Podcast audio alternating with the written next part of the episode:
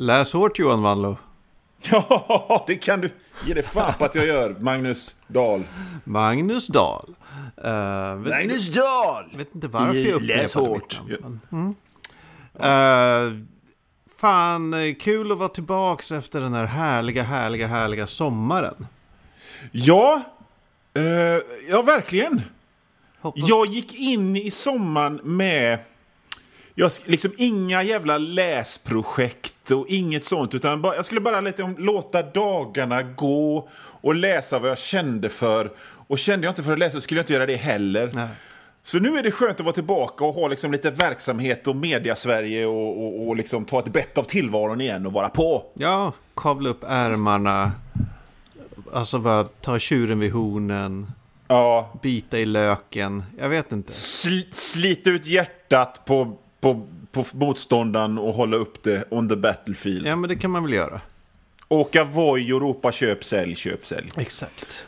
Alltså för, för alla lyssnare så kan vi ju meddela att det här är kanske Sveriges enda riktiga podd om uh, litteratur. Ja, Det är ju vårt Det är motto. Eh, rolig, alltså kött och potäter-litteratur, glädje, köra ner händerna i litteraturens mylla och verkligen bara gagga in sig med dagmaskar och allt. vi gillar böcker som handlar om saker. Mm. Där det, det händer grejer. Som man kan det prata om. idag, i DN, så läste jag någon som, som, som... Det var någon recension på någon bok, jag orkar inte kolla vilken det var, men det var så här. Ja, nu brukar det ofta anses lite, lite lågt att läsa böcker för handlingens skull. Och då känner jag bara, men varför välja era jävla töntar? Man Ja. kan läsa böcker där man kan vila i texten och så kan man läsa en god thriller. Är det Precis. viktigt vad som händer. Ja, men vi pratar ju om böcker som man kan läsa. Eller så här, vi pratar om böcker som man kan prata om utan att ha ett glas rödvin i handen. Ja, nej, precis. Jag har kaffe här. Ja, jag har lite cola. Det är, mer än så är jag inte värd. Ja, du är magrare än mig så du kan dricka cola. Om jag dricker cola så blir jag tjock. Välkommen till Bantningspodden med... eh, Med två medelålders trötta. Ja. Eh, ehm, du, jag har upptäckt en hemsk grej. Okej. Eh, det var så här, jag sa ju i senaste avsnittet innan sommaren att jag skulle läsa en David Eddings-roman. Mm. Och det gjorde jag också, men det, och det kan jag komma tillbaka till lite senare. Men i samband med det så upptäckte jag att David och hans fru Le- League, Lake, jag vet inte hur det uttalas. Ja, de där engelska namnen. Ja, lägg av. Det står Gösta. Vara? Worcestershire och så säger man Worcester. Vad fan? Ja, det är orimligt. Skärp er. Ja. Skärp er hela jävla... Vi Men säger att hon heter Britt Eddings. Det, David och Britt. Eddings. Ja. eh, I mitten av 60-talet så adopterade de två barn. Okej. En eh, pojke och en eh, dotter. Mm. Eh, och efter några år blev de fråntagna vårdnaden och dömda till ett års fängelse vardera för child abuse. What? Jaha. Det var mer än vad jag visste. Eh, och så, det här upptäckte jag på. Wikipedia, om du känner till den sajten. Mm. Eh, där var det också Mm. länkat till en artikel eh, från lokaltidningen då, på den tiden, när de dömdes. Och det Ja. var liksom så här, pojken som heter Det-scenario. Åh, De, de hade sin son i en bur under trappan i källaren. Och liksom han var så här misshandlad och... och Det är inte Eh, meningen att skratta, men jag blir chockad liksom. ja, men det var helt sinne. Alltså det var verkligen så här, det här är galna människor. Ja. Eh, och... Eh, ja, men jag... jag det var så här... Jag menar, han var fast... Eller det fanns så här, han var inte fastbunden när de hittade honom. Men det fanns liksom så här... eh, restraining devices. Eller vad de, hur de uttryckte det. I den där källaren. Och eh, ja, men han var så här, han kunde inte använda sin hand för den var typ helt sönderslagen. Och Men vad saker. är det med fantasyförfattare och deras föräldraskap? För att det var ju en skandal för många år sedan när det kom ut att Marion Zimmer Bradley hade sexualutnyttjat sin dotter och grejer. Ja, precis. Båda sina barn tror jag. Ja. Eh, Hon, både hon och mannen hade gjort det. Ja. Och mannen var dömd massa gånger för massa andra så här eh, sexbrott också. Uh, nej, jag vet inte fan. Jag, jag hoppas det inte är liksom en... Det är två som jag kommer på då. Ja. De två. Ja. Men jag kommer inte på någon tredje, så det kan inte vara en trend. Finns säkert. Alla. Alla håller på Säkert. så. Ja, om jag får följa sån här Flashback-Twitter-logik så är det bara ja, alla, alla fantasyförfattare, det vet man ju vad de går för. Ja. Men du, eh, du, eh, David Eddings betyder rätt mycket för dig va? Ja, men han var ju liksom min inkörsport. Ja. Jag hade läst eh, Sagan om ringen i högstadiet, Ja. eller början av högstadiet. Och sen liksom fanns det inte så jävla mycket mer. Men sen hittade jag David Edding, så då var jag fast. Ja. Eh, och eh, ja, så det, men jag är också så här, det är ändå en författare som jag är klar med. Ja, okej. Jag är inte så här ett fan, jag har inte en David Eddings blogg där jag skriver dagligen Nej. om olika saker. Nej, eller så. Ditt hjärta krossades inte av detta. Nej, utan mer bara så här, vad i helvete? Jag kan tycka att den där reaktionen att Åh nej! Min, alltså, är så jävla barnslig för att det är ett sånt... Nu får jag återigen uttrycka mig försiktigt, men alla är ju... Alla har ju någon skit. Alla har gjort något dumt. Alla har ju naturligtvis inte stängt in sina barn i ett, ett rum under trappen och inte gett dem mat. Men, men just den där reaktionen som säger Åh, jag, jag spyr i munnen och jag, mitt hjärta är krossat för att min favoritperson, artist, serietecknare är ett as. Mm. Men sen kan jag också förstå att man inte riktigt läser det där i, i, med samma ögon. Till exempel, jag har ju en... Min favoritserietecknare när jag, på 80-talet, John Byrne. John Byrne, han tecknade eh, Fantastic Four och sen så tecknade han, han rebootade Superman på 80-talet och han var min absoluta favorit. Jag älskade honom. Och så visar det sig att han är liksom eh, skitjobbig nu då. Och, och jag menar, alltså det, jag har det lite grann i bakhuvudet men samtidigt så är det så här att de här serierna betydde jättemycket för mig när jag var 14. Och jag kan liksom, och läsa dem nu det är ett uttryck för nostalgi och nostalgi är en känsla och inte någon jävla fakta. Det är sant. Sådär. Det, det, det intressanta med det här tycker jag är att man kan ja, dömas för det här superbrottet, eller på den tiden. Och sen gå vidare och bli superstor författare. eh, för att, ja men det här skrevs väl bara om i deras lokaltidning. Och sen, det var ingen som läste den. Det var bara att flytta till en annan stat, liksom. Vilket de också gjorde. Ja, ja, ja. Det skulle ju inte gå idag. Nej, du skulle ju nej, inte nej. kunna så här, dömas för massa hemska saker och sen tio år senare eh, starta upp en så här författarkarriär. För då skulle Nej. man bara googla ditt namn så skulle man hitta det här och det skulle inget förlag vilja satsa på. Nej, eh, jag skulle möjligtvis kunna flirta med den högerextrema poddvärlden kanske. Liksom. Skriva i fria tider och sånt. De hade tagit emot mig efter Ja, möjligen. det, det finns ju några exempel på det. Men Det går nej. F- För böckerna hade väl, kom väl efter, långt efter det. Böckerna är väl 70-tal va? Ja, början av 80. Typ 82 kanske den första kom. Okej. Så det var 20 år senare. Eh, Eller, nej, inte riktigt. Eh, Fem, 12, 13 år senare. Något sånt Mm. Eh, Ja, eh, det var också i Wikipedia-artikeln så stod det så här hur han bestämde sig för att skriva fantasy. För han hade skrivit deckare och grejer förut.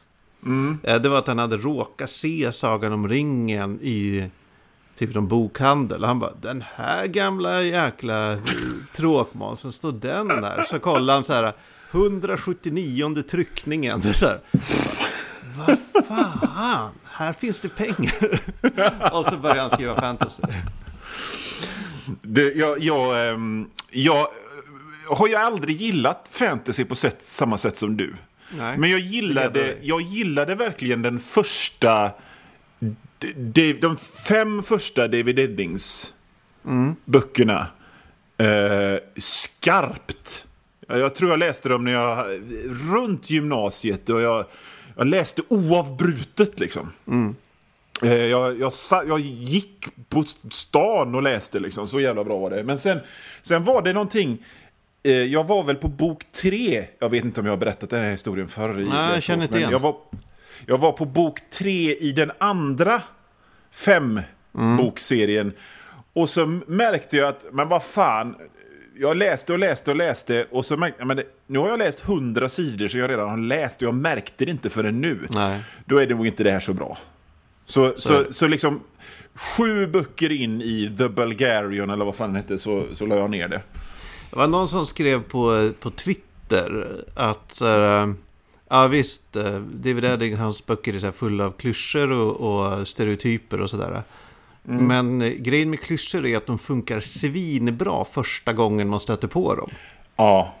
Mm. Och när man är 12 så är det ju kanske första gången man stöter på den listiga tjuven eller den godhjärtade barbaren. Eller, något sånt. eller den utvalda mobbingoffret. Ja, precis. Ja.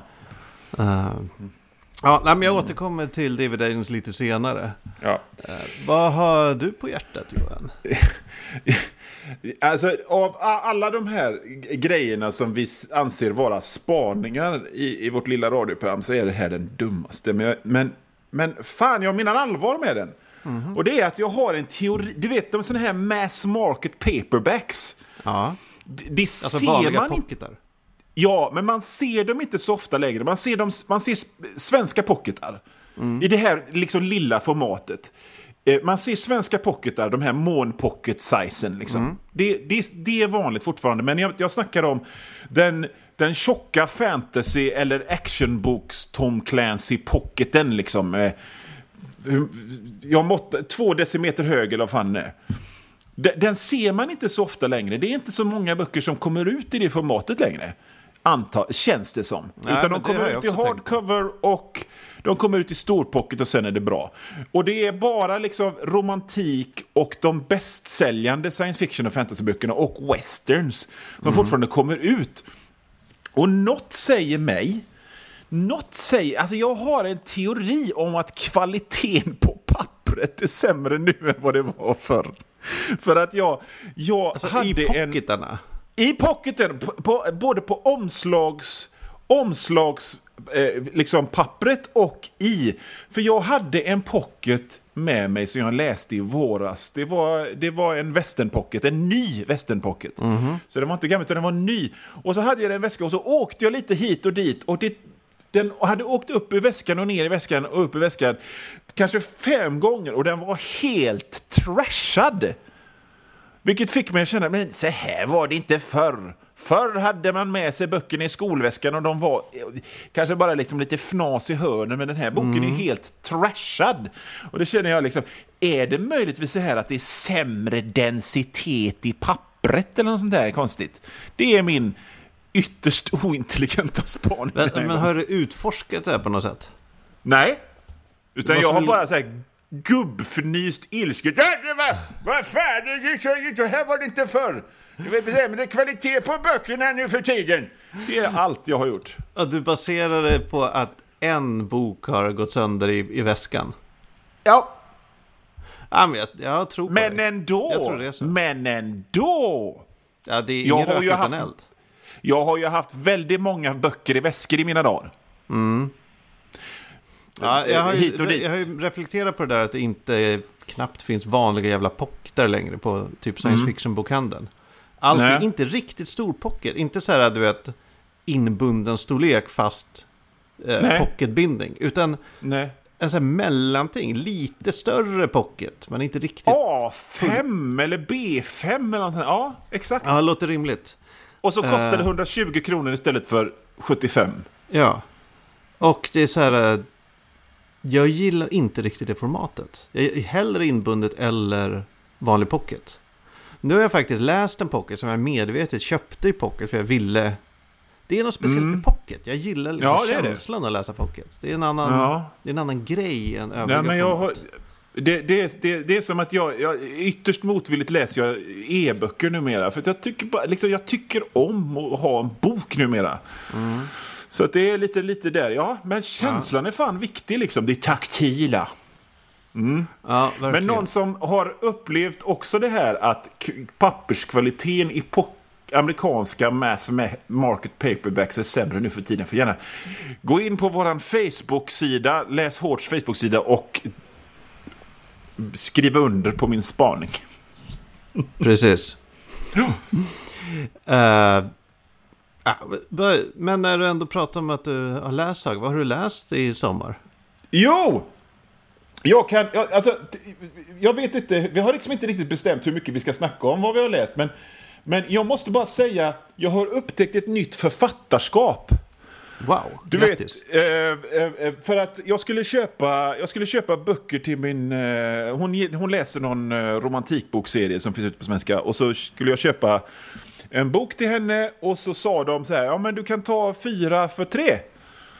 Jaha, och då tog jag nästa bok i serien till henne och så tänkte jag, men då köper jag någonting till mig själv också. Och då tog jag Martina Montelius förra, för jag gillar henne. Och så sen så sa jag, men vad fan ska jag ta mer?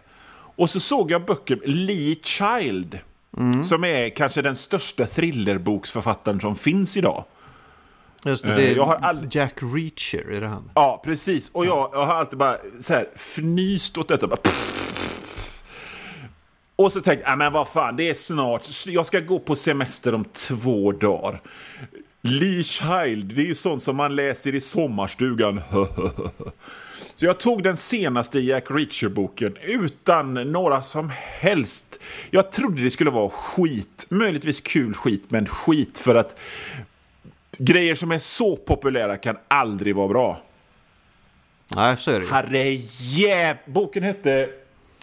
Eh, vad fan hette den? Den hette Past Tense, den 23 Jack Reacher-boken. Och jag var redan sådär bara... Jack Reacher har spelats av Tom Cruise. och, så, och, så, och så började jag läsa och det är skitbra. Det är Alltså- skitbra och det är liksom... Bok 23 hoppar du in på. Jag hoppade in på bok 23, den allra senaste, och den var asbra! Asbra! Den var så jävla spännande. Och så att jag, jag beställer ut till, till den här lilla ön som jag befinner mig på, liksom närmaste bok jag kunde hitta direkt. Så att jag läste två böcker in, bok nummer 20 då. Ox, som heter Make Me. Den var också asbra och redan där märkte jag liksom vad, vad formulan var. Jack Reacher är då någon slags stor och snäll men skitfarlig badass-hårding.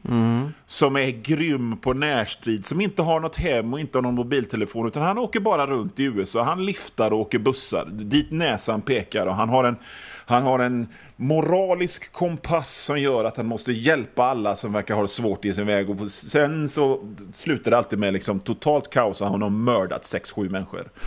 Och sådär va.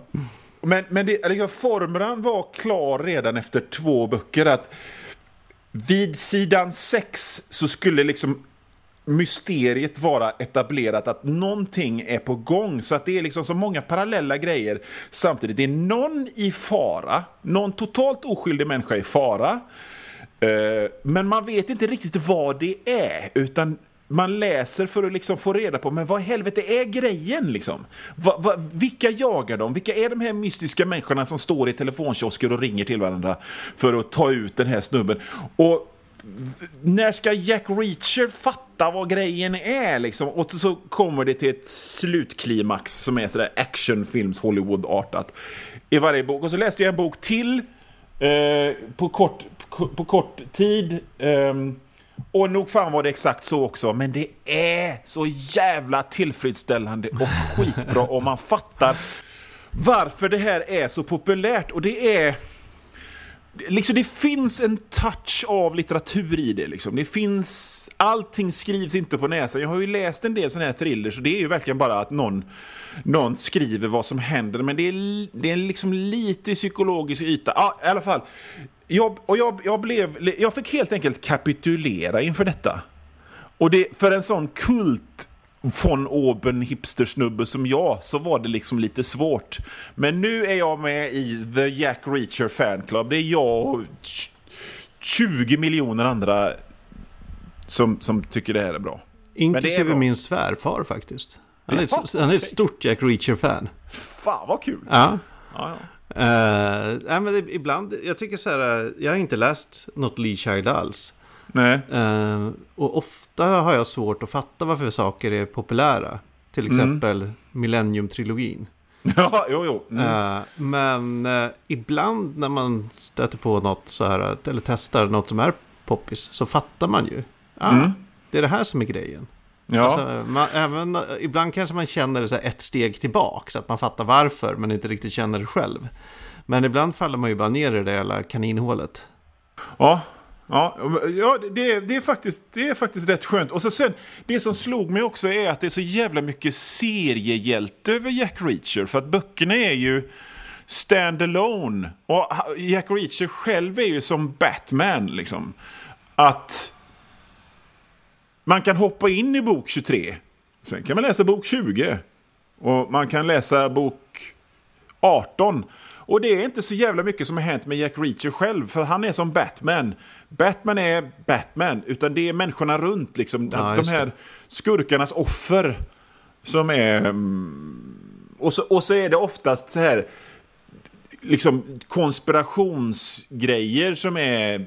Som gör att den lille mannen blir liksom lite påverkad och nedtryckt. Och jag gillar det också. Ja, jag fattar. Ha, men du, har du läst någonting i sommar som är gött? Ja, alltså först måste jag väl nämna att vi fick ju en bok skickad till oss av eh, kanske vår snyggaste lyssnare, Olof. Mhm. Eh, Just det, han ja. Ja, Drakväktare av Andreas Roman. Mm. Eh, en fantasybok baserad, eller förlagd i rollspelet Eons värld. Okej. Ja, Eon är ju ett väldigt så här... eh, lite speciellt spel. Kan man väl säga. Eh, vi, okej. vi, låter det, vi lämnar det där. Eh, kom lite som en, en motreaktion på liksom, Drakar och Demoners så här... Eh, ja, jag vet inte hur jag ska uttrycka det. Drakar och Demoners fantasy var lite så här, allting finns. Typ ett Jaha. lapptäcke, det finns ingen logik och så här. I hur Nej, saker nej, ser ut och funkar. Men i Eon då hade de ambitionen att där ska vara en, liksom fun- en fungerande värld som man liksom kan spela i som om den fanns på riktigt. Typ. Jaha. Eh, Okej. Men den här uh, Drakväktarromanen eh, kom Mm. någon gång i slutet av 90-talet. Mm. Och vad fan bra! Oj, Ja. okej. Jag, jag, Eller varför, jag vet inte varför jag säger oj, Nej, för men- han är ju faktiskt en etablerad författare. Ja, och- men det här var hans första roman och Mm. normalt så brukar ju böcker baserade på rollspel inte vara så bra om man inte är ett stort fan av själva rollspelet, vilket jag inte är. ja. nej. Eh, så plöts... Nej, men jag, fan, jag kan rekommendera att läsa den. Alltså. Den är, den är väldigt 90-talsfantasy i det att den är så väldigt seriös. Mm. Eh, men den är också välskriven och eh, tar inte... Författaren gör inte de val man tror han kommer att göra. Mm, okej. Och så slutet är ganska överraskande. Vilket var jävla kul. Här, här- är en liten... ehm, här är en liten skvaller. Jag har varit på, på, på anställningsintervju hos Andreas Roman Jaha. en gång. När jag ville in i spelbranschen, för att det är tydligen hans dagjobb. Jag fattar. Det låter ju rimligt. Men det gick inte bra och det var 2010. Och med vad jag, tanke på vad jag vet om spelbranschen, så, vad man har hört, så är jag glad att jag inte kom in där. Ja, det verkar vara en ganska rövig bransch faktiskt. Ja. Eh, ja, men jag har också läst... Eh, jo, vi måste också bara nämna snabbt. eh, Det, släppt, det kom ut ett pressmeddelande här i början av sommaren. Eller mitten av Mm. sommaren kanske var, jag vet inte.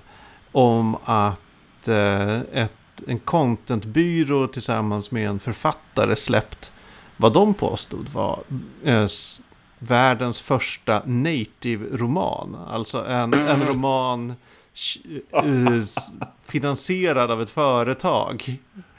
Alltså, jag skrattar inte åt idén med content-reklam, utan jag skrattar åt att de är så fruktansvärt okunniga. Ja.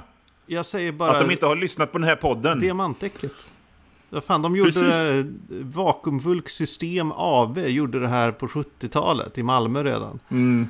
Um, första nejten, jävla reklamtönta. ja. Ja. Eh, så, eh, men jag läste, eller jag lyssnade på den. och Den var bra. Mm. Alltså det var en, en solid deckare av uh, Leffe Grimwalker. Okej. Det, det är ju ett fett namn att ha Det är om man, verkligen ett fett om man ska namn. skriva deckare. Det är som han Sune Stone Blaster som är stensprängare. Som om en gång. Uh, ja, men, eh, kul, men eh, de här uh, byrånissarna får ju bara läsa på lite bättre nästa gång. De får ta och kamma till Ja. sig. Sluta åka Voi i Stockholm och ropa köp. Ja, läs- Det läs en bok, andra så- gången jag kör det Läs skämtet. en nu. bok. Uh, Skriker jag till dem. Mm. Ja, nej, men det, det mest intressanta jag läst var ju faktiskt David Eddings. Uh, Polgara the Okej. Sorceress. Typ den, Ja, ja. den sista av hans böcker som handlade om liksom originalkaraktärerna från 80-talet eller vad man ska säga. Fast den här kom kanske vid millennieskiftet. Mm. Och det var en fruktansvärd jävla upplevelse den här boken. Usch. Eh, jag vet inte var jag ska börja riktigt. Ja, men det första är att den sabbar, det är en prequel. Okej. Men den sabbar alla originalböcker. Den gör Nej. originalböckerna sämre för den avslöjar saker som är helt bara onödiga och ger ingenting och bara idiotiska. Eh, den är Mm. dessutom alltså, mark- alltså, märkbart rasistisk. För, och inte bara på så här slentrian Ett- fantasy-sätt att det finns lite olika så här raser. Utan här är det Nej. så här att de här raserna är, de är så olika att de liksom har, de onda, om man har, kan magi så kan man se att deras själva tankar är svarta.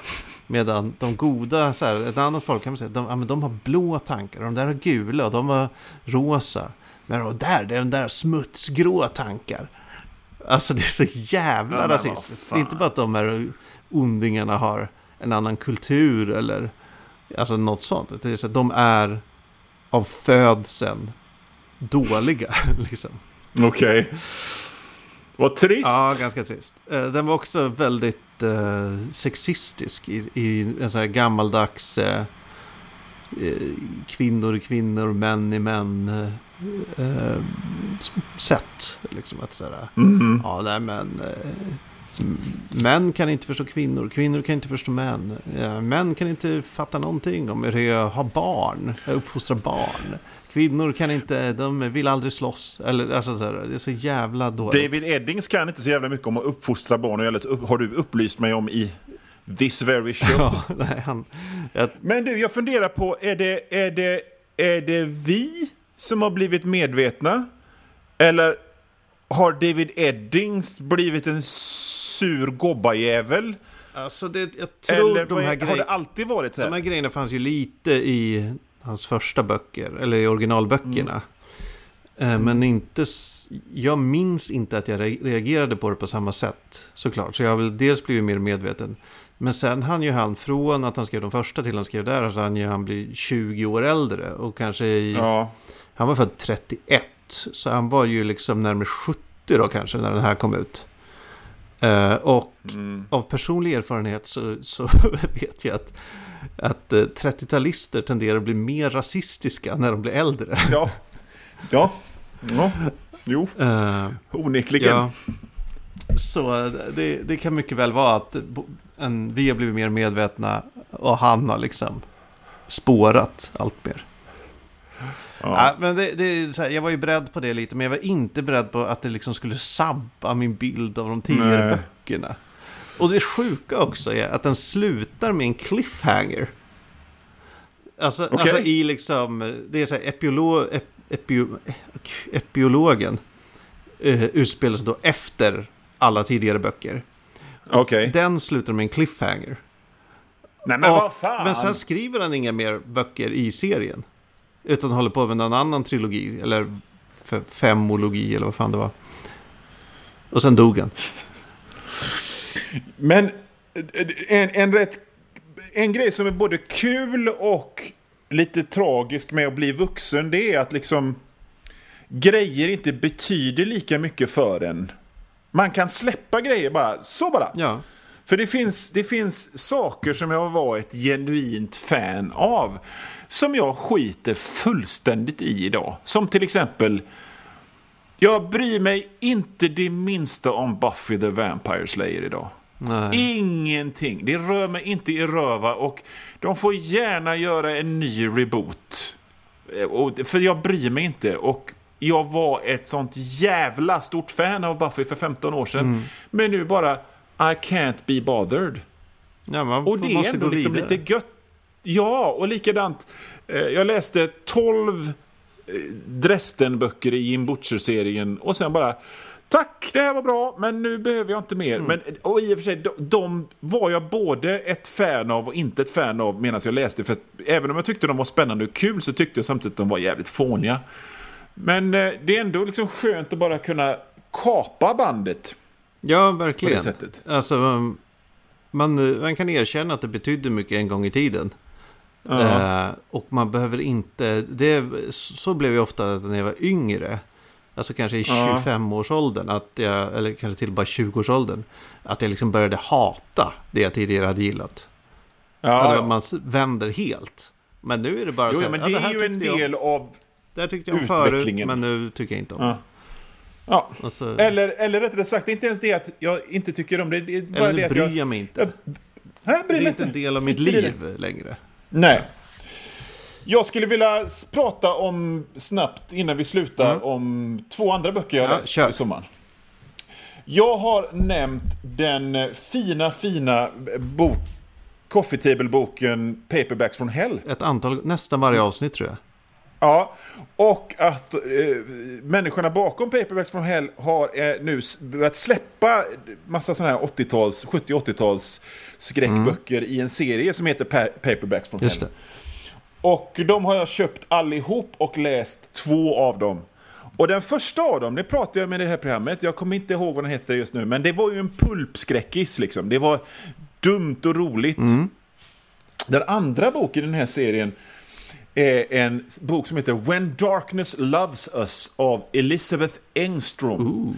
Och jag förväntade mig att det här skulle vara pulpglädje och rolig splatter också, men det var fan bra på riktigt så här, southern äckelgothic med riktigt patos i, i själva orden liksom. Jag blev helt jävla överraskad för här kommer en bok med ett smaklöst airbrushat omslag och namnet på författaren i sån här fake eh, Stephen King-loggestil och man bara, nu bara väntar sig, nu ska det, nu, nu ska det bli gott med lite 80-tals blaj och så är det så bra så att man håller andan för att det är så jävla otäckt och sorgligt och hemskt och bra. Så det var den boken det. Och sen så gick jag ju ut på, jag tror det var eh, Läs Hårds Facebook-sida och, och liksom deklarerade att jag skulle läsa en bok.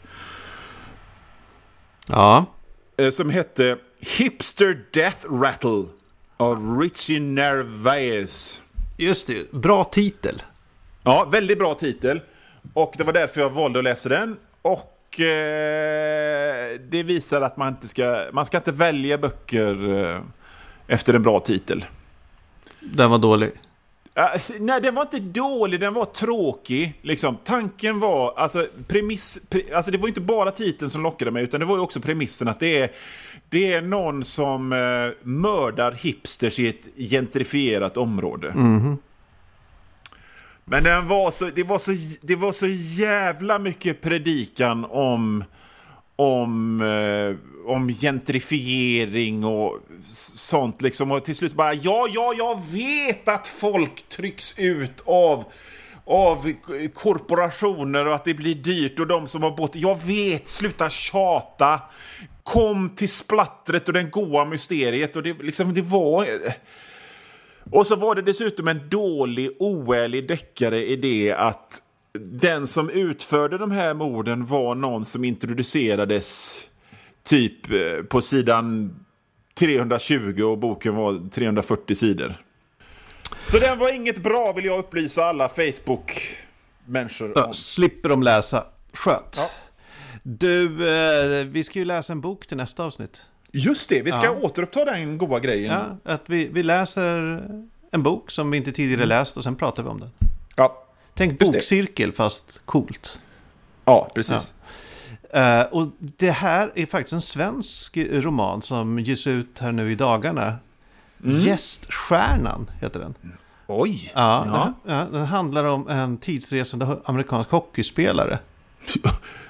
Aha, ja. Känns bra. Mm, mm, det är, alltså bara det är ju bra. Men sen Ja. kommer ju twisten. Okej. Att den är skriven av Kai Linna. Som Okej. alltså är... ehm, eh, eh, o, han dömdes för mord men var oskyldig. Och, och släpptes från fängelse efter 13 år. Eh, och den här boken skrev han i fängelset. Men vad bra för honom att den kommer ut nu då. Han Ja. har kommit ut och boken, kommer Boken ut. kommer ut. Så det Och är, vi läser den. Precis. Gäststjärnan alltså av eh, Kai Linna. Eller Kai Linna. Ja, det ska bli inte. spännande. Det kommer bli jävligt spännande. Det är Mm. inte alltid man läser böcker skrivna av oskyldigt dömda. Nej. Och Verkligen inte. speciellt inte sådana som suttit så länge i fängelse. Nej. Hur, var det, hur länge var det David Eddings och hans fru satt i fängelse? Det var Ja, bara ett år någonting va? Ett år, det är ingenting. Och de skrev ingenting under den tiden. Vad jag, som jag Töntar. fattade. Men eh, Kai, han skrev en hel jävla roman. Ja. Ja. Ja, nej, men den ska bli gött att läsa hårt tills nästa avsnitt. Ja, det kommer bli fantastiskt. Mm. Eh, läs hårt Johan. Läs hårt Magnus!